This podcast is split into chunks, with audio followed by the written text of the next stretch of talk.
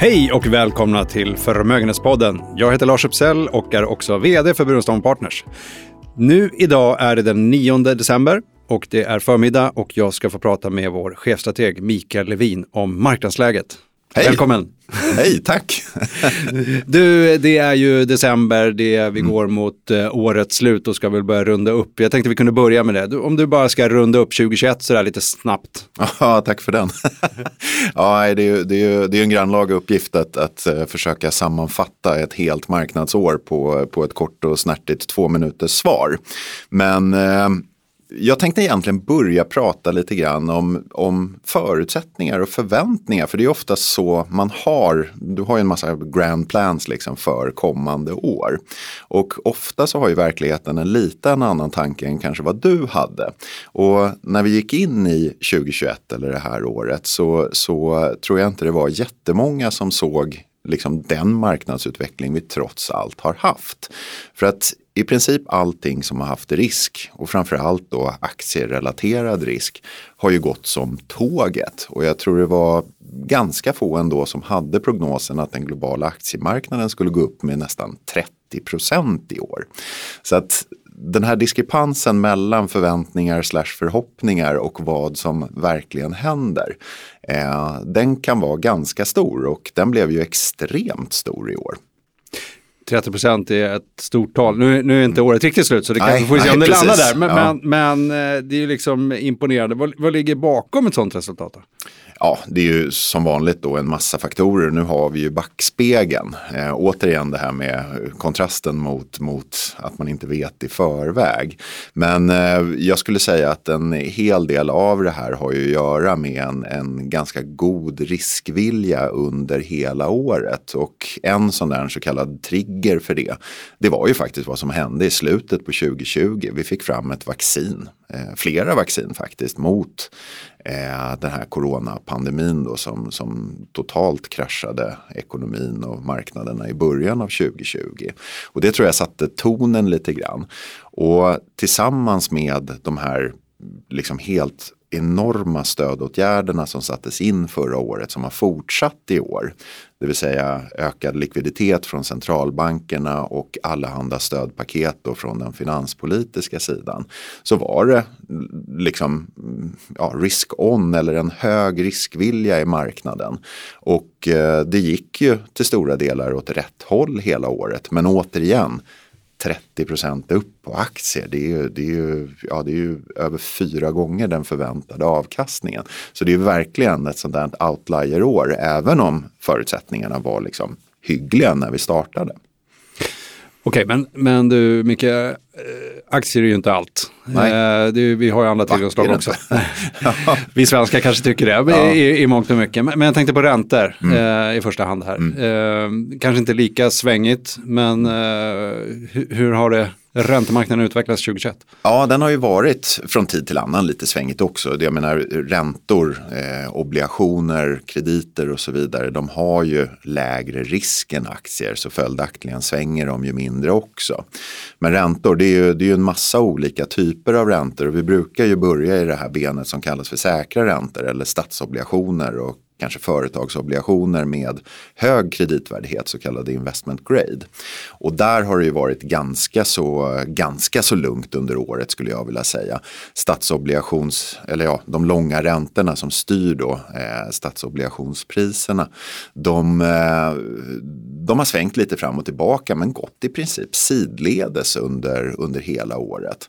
Eh, vilket är lite, det kan man ju ha olika åsikter om varför är det så, för att den ekonomiska utvecklingen har ju varit varit väldigt, väldigt god under, under 2021. Och då tycker man ju att räntorna borde stiga när det blir bättre tider. Vi har även haft den här inflationsdiskussionen från eh, ja, sommaren ish och framåt. Eh, och det kan man ju tycka att det borde ha resulterat i lite högre räntor. Det har dock inte hänt och det har ju då hållit tillbaka om man ska säga så, avkastningen för, för eh, framförallt då stats, eh, statsobligationer.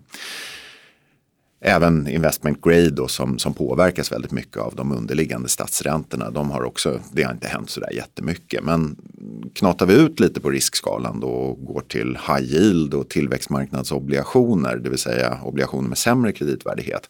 Så eh, de har ju påverkats positivt av den här risk-on eller riskvilliga miljön som, som har rått under året. Och där har man ju fått ganska respektabla, höga ensiffriga avkastningstal för då ett, ett ränteslag. Så det, det påminner lite om aktier där, att, att man har fått betydligt mer än vad man kanske skulle ha kunnat förvänta sig.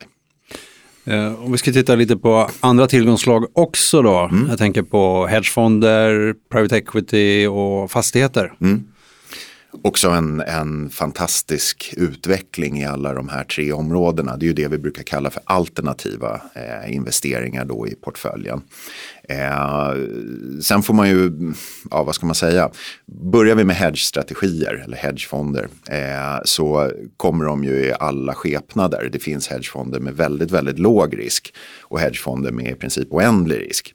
Eh, och det följer ju lite grann, ju mer risk du har tagit desto bättre betalt har du generellt sett fått. Eh, så det finns inget sånt där liksom övergripande siffra för det här har hedgefonder avkastat för det är så många olika typer av, av fonder. Men tar vi vår, vår, vår egen lilla korg med hedge-strategier som våra kunder har i sina portföljer så, så ligger den strax över 10 Och det är också ett sånt där fantastiskt resultat. Eh, även private equity, den, den har ju gått i linje eller till och med bättre än aktiemarknaden så det har ju varit ett fantastiskt år för, för den typen av tillgångar. Fastigheter samma sak där. Det, det är respektabla avkastningstal på ja, strax över 10 procent.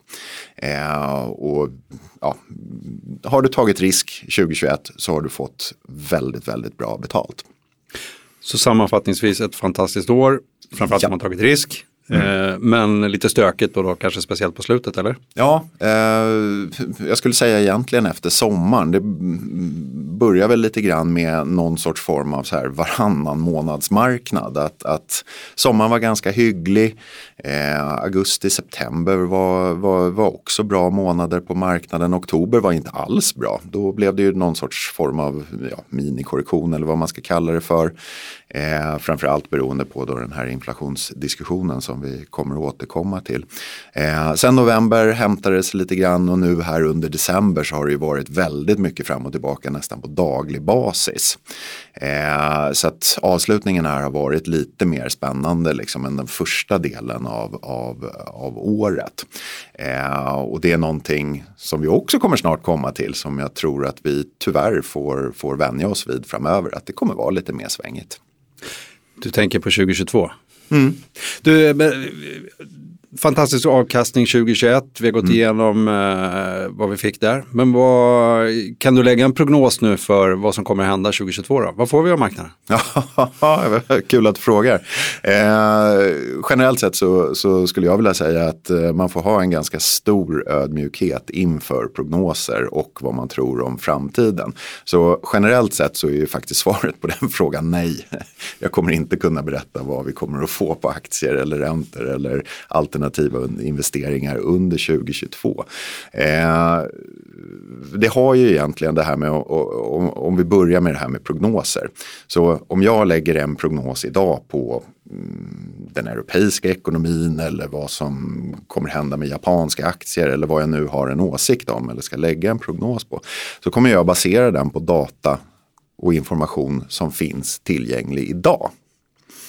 Men vad jag inte vet det är ju liksom vad som finns tillgängligt om två veckor, om tre månader, om ett halvår och så vidare. Och det är ju saker och ting som kan hända som kan ställa den där prognosen tvärt över ända. Och det är därför jag tycker man ska ha en ganska stor just portion ödmjukhet inför framtiden. För den är notoriskt svår att, att uh, att förspå. Jag, jag har haft en beställning nu på en sån här en, eh, kristallkula i över 20 år men den är hela tiden restnoterad. så det, det, det är jättejobbigt. Jag väntar på att den där äntligen ska landa i posten. Eh, däremot så tycker jag att man kan diskutera liksom förutsättningarna eller ha en dialog om, om förutsättningarna. Men det blir just lite mer liksom breda penseldrag. Och när vi går in i ett nytt år, det är ju inte så att vi, vi startar med ett blankt papper. Att det är helt nya förutsättningar inför nästa år. Utan mycket av det som, som liksom har präglat det här året, det kommer ju följa med in till nästa år. Det är ju inte så att ekonomin eller marknaden eller vad det nu är ändras liksom kapitalt från en vecka eller en månad till en annan. Och det gäller ju då även på årsbasis. Men om man ska, det är väldigt intressant det här att diskutera runt prognoser. Om man ska sammanfatta det du säger så när man ska utvärdera om prognosen var rätt mm. så kommer det att finnas data som har hänt som inte var i prognosen. Exakt, ja. exakt. och det, det är ju det här, det är ju backtrading eller backspegeln eller vad man nu ska kalla den för. Att tittar man bakåt, ja men då har vi ju svaren. Men det är en helt annan process framåt i och med att vi har då vad eh, en gammal försvarsminister i USA en gång kallade för unknown unknowns. Det vill säga det är okända saker som vi inte vet om som kommer att hända. Och eh, det gör ju att ja, det, det är generellt sett väldigt, väldigt svårt att förutspå framtiden. Men förutsättningar kan vi prata om. Mm. Och vilka förutsättningar är det som vi bör hålla koll på enligt dig? Mm. Här nu, inför 2022. Eh, ja, precis. Nej, men det, det, blir ju en lista av the usual suspects. Eh, som jag sa tidigare här, är det, det är ju inte så att vi startar med ett blankt papper och helt nya förutsättningar. Utan eh, vi kommer att fortsatt fokusera på ekonomin, vi kommer att fokusera på vinster, värdering, sentiment eventuellt lite geopolitik. Eh, så det, det, är liksom, det är lite samma, samma påse hela tiden. Men förutsättningarna kanske förändras lite grann. Och eh, någonting som jag skulle vilja börja med ändå, eh, ofta så börjar man ju någonstans i den ekonomiska änden, men eh, det är pandemin och den här nya varianten som heter omikron. Eh, den vet vi inte så mycket om nu, eh, men den står ju bakom då en del av det här stöket som har varit framförallt under december, för den poppade ju upp på allas radar då för, för ja, vad är det, två veckor sedan eller någonting sånt. Och den ligger ju delvis bakom den här volatiliteten vi har sett under månaden. Och där vet vi ju inte så mycket än vad den eventuellt kommer att kunna ställa till med. Det är ju klart att alla, inklusive mig själv, eller jag själv hoppas att det ska vara en, en mildare variant än den här tidigare delta, delta-varianten. Så det får vi se, men det som är positivt i sammanhanget, och det tycker jag är värt att föra fram, det är att ett, vi har ju liksom vaccingrunden på plats. Eh, och jag misstänker att ja, de, som, de stora läkemedelsbolagen de, de jobbar nog ganska mycket nu med att få fram grejer som ska rå på den här omikron. Eh, och nummer två är att, att eh, vi känner till situationen. Det här är inte någon unknown unknown. Eh, för att en pandemi har vi haft nu i snart två år och vi har ju lärt oss, eh, även om det ja, låter lite tråkigt att säga, att leva med den. Eh, det hade vi inte lärt oss då i, i mars 2020 när den kom. Då var det en helt ny situation, det är det inte idag. Eh, det finns ju rutiner på plats i många företag hur man jobbar hemma till exempel och, och hur man ska föra sig i samhället, vilka restriktioner som gäller och så vidare. Det är ju, det är ju, ja, det är knowns kan man säga. Ja. Så det, det, är ändå, det är ändå positivt. Men eh, med tanke på då hur marknaden har reagerat under här december och delvis också under november så är det ju en indikation på att den här pandemin den kommer fortfarande att vara med oss och marknaden är på helspänn för då till exempel nya varianter. Och det kommer säkert någon ny variant under 2022 också. Det gör det säkert. Du, eh, vi lämnar pandemin för en liten stund. Mm. Vi, eh, Ekonomin i stort då, centralbanker, inflation. Ja, hela det paketet. Ja, ja nej men det, det, jag, jag är ganska liksom positivt inställd eller optimistisk inför 2022.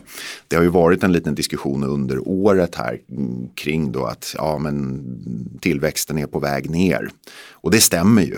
Men den är ju på väg ner från väldigt, väldigt höga nivåer. Eh, kom ihåg att 2021 här, det kommer bli ett mycket, mycket starkt år tillväxtmässigt. Vi kommer landa på en bra bit över 5% i global tillväxt. Och visst, det är ju delvis baseffekter då från förra året där, där tillväxten faktiskt sjönk med nästan 3% Men för 2022 så återigen, nu kommer vi in på prognoser här, men konsensus eller vad marknaden tror är en tillväxt på klart över 4% Och visst, det är lägre än i år så riktningen är ner. Men nivån är ju fortfarande väldigt, väldigt stark. Och Eh, det här pratet eller diskussionen som har varit från en del håll om att ja, lågkonjunktur eller till och med recession och stagflation och allt det där. Det betyder ju ja, två kvartal i rad med negativ tillväxt och det är jättesvårt att se med den information vi har idag att det ska hända 2022. Så där är jag, där är jag ganska positiv. Sen inflationen, ja det, det, det har ju varit lite av 2021 års snackis då. Den, den började väl poppa upp den, den diskussionen på allvar strax före sommaren. Och sen har den liksom accelererat och siffrorna eller inflationssiffrorna har ju följt med. Så att vi har en inflationsnivå idag som vi inte har sett sedan ja, innan finanskrisen och i vissa länder då inte sedan 90-talet. Och det är klart att det, det orsakar en del oro.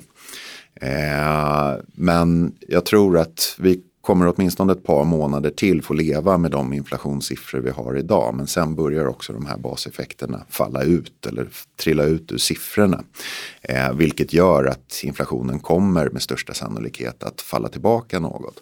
Däremot så tror jag nivån återigen eh, kommer att vara högre än innan pandemin. Så vi får leva med lite mer inflation än vad vi har varit vana vid de senaste 10-12 åren. Vilket då för oss in på just centralbankerna, ja. eh, hur de kommer reagera i den här situationen. För att de har ju ett väldigt liksom, delikat balansgång framför sig här. Eh, I och med att högre inflation, då är ju den naturliga reaktionen att de stramar åt. Det vill säga kanske dra ner på kvantitativa lättnader.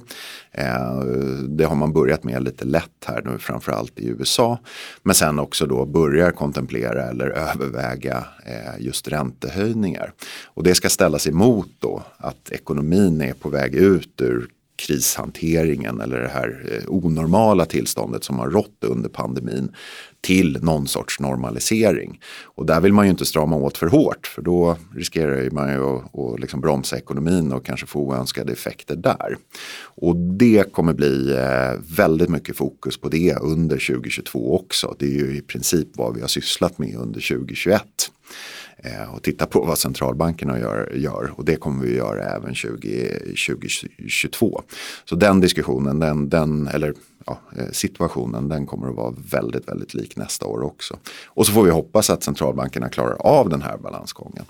Men givet vad som har hänt som vi har varit igenom eh, här lite tidigare i podden avkastningsmässigt och även räntemässigt så har ju marknaden ändå ett visst förtroende för centralbankerna i och med att vi har haft en utveckling som, som, eh, som vi har haft under året. Men du, det måste vara lite mer spännande nu att vara centralbankschef då? För det var full gas i uppförsbacken och nu börjar det ja. komma nedförsbacke så det gäller att hålla lite lagom på gasen eller? Ja, ja det, det, och det, det, ser vi också nu att, att om man tar en sån här aggregat på typ världens centralbanker så är det fler som höjer nu än som, som liksom lättar. Eh, så fler, eller fler stramar åt än, än, än lättar och, och, den största av dem alla, amerikanska Federal Reserve, det är där liksom huvudfokus ligger från marknadens sida. De har ju börjat trappa ner på de här kvantitativa lättnaderna och marknaden ser i nuläget även två räntehöjningar under nästa år. Men då ska vi komma ihåg att de räntehöjningarna sker ju i princip från noll. Så det är ju ingen sån här räntechock som, som, som ligger i prognoserna. Men du, om vi tittar på de som eh, står bakom den här inflationen, de som höjer priserna, mm. företagen ja. eh, som skapar vinster. Mm. Vad, vad, tänker du om vinstutvecklingen framåt då? Eh, det är en mycket bra fråga för att för mig så är liksom vinsterna, det är den ultimata drivkraften för aktier. Det är ju det vi handlar aktier på. Så att de, de är helt centrala för mig. Och eh, i år kommer det bli ett monsterår vinstmässigt. Men det beror mycket på då att förra året var en rykande krater från, från, liksom, från det perspektivet. Och, men, för, att, det här med baseffekter, ja. kan vi ta det också? För det, det är ju man, man jämför år från år. Mm. Ja, men det, det, det, är ju så att förra året så, så tror jag den eh, globala vinsttillväxten var minus 20 procent. Så det vill säga att eh, hade du då 100 i vinst så kanske du hade 80 i vinst då förra året. Och i år kanske du gör 107 i vinst.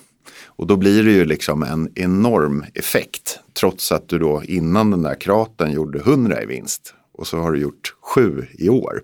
Och då blir det den här liksom procenttalet som blir mycket, mycket större när man jämför ett år tillbaka. Och det brukar kallas då för, för, eh, för baseffekter.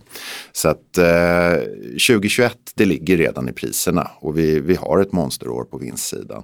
Vad som är intressant är som sagt prognoserna eller förväntningarna för 2022 och där ser det lite mer modest ut. Vi, eh, eller ja, konsensus räknar med en vinsttillväxt på globala aktier på kanske 6-7 procent. Och det är ju betydligt mer liksom normala siffror. Och skulle det levereras, att företagen verkligen klarar av att generera 6-7 i vinst här under nästa år.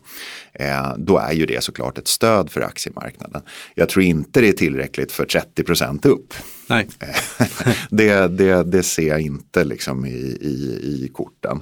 Eh, men allt annat lika, säg att vi håller ja, värderingen konstant under nästa år och det blir 6 vinsttillväxt. Ja, då finns det utrymme för 6% kursuppgång. Kanske lite till då med, med, med utdelningar.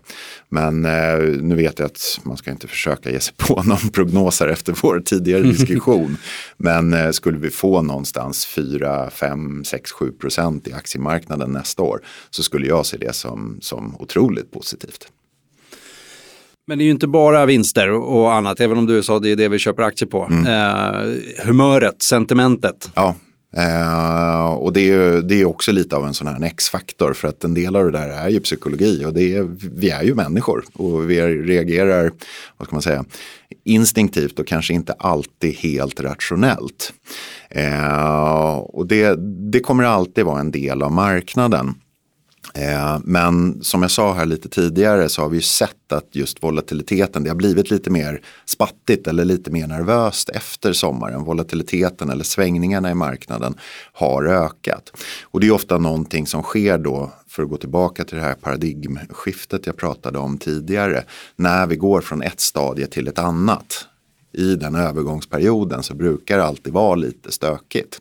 Och nu går vi då från kris eller pandemi eller pandemibekämpning, vad, vad vi nu ska kalla det för, en, en onormal situation till förhoppningsvis då en mer ja, normal eh, utveckling. Och eh, under en sån period så tror jag man får räkna med att, att svängningarna de kommer att vara lite högre för att återigen osäkerheten blir ju ännu större. Kommer den här normala eller normaliseringen faktiskt att materialisera sig. Så att där, där får man nog vara beredd på lite mer fram och tillbaka. Och jag tycker vi har sett det då under, under framförallt andra halvåret i år. Men du, eh, om vi skulle av, börja runda av här så tänkte jag en mm. sak som påverkar det här med humöret, sentimentet, det är lite geopolitiken tänker jag. Mm. Mm. Du ska blicka och ut där. politik. Politik kan också? Vi, ja. ja. kan vi faktiskt eh, slänga in i den boxen. Och eh, det här är en sån här också en konstant egentligen på marknaden. Och geopolitik och även politik i, i vissa fall får ju oftast väldigt stora rubriker. Och reaktionen på marknaden är oftast liksom hastig eh, vad engelsmännen, för att använda en anglicism här, brukar kalla för knee jerk reaction. Att det bränner till någonstans. Det kan vara ja, aggressiv, aggressivitet från Kina mot Taiwan, var, ja, vad det nu må vara. Då eh, fäller man hellre än friar från marknadssidan. Men det är oftast en, en ja, ganska snabb effekt som är övergående i de flesta fall. För att återigen, eh, tar vi de senaste 10-20 åren så kan du peka på ett antal olika händelser som såg, när de väl hände, såg väldigt illa ut. Men sen ett par veckor senare så är det nästa fokus på marknaden. För det blev inget världskrig den gången heller. Nu ska man inte skämta om sånt, ju, man kan ju som sagt aldrig veta.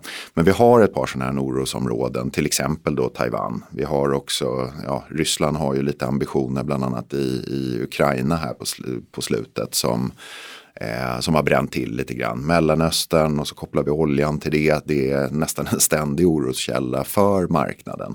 Och det här kommer ju också att prägla 2022. Men förhoppningsvis så eh, blir det just en sån här snabb övergående reaktion och inte någonting liksom värre. Men återigen, det där är unknown unknowns.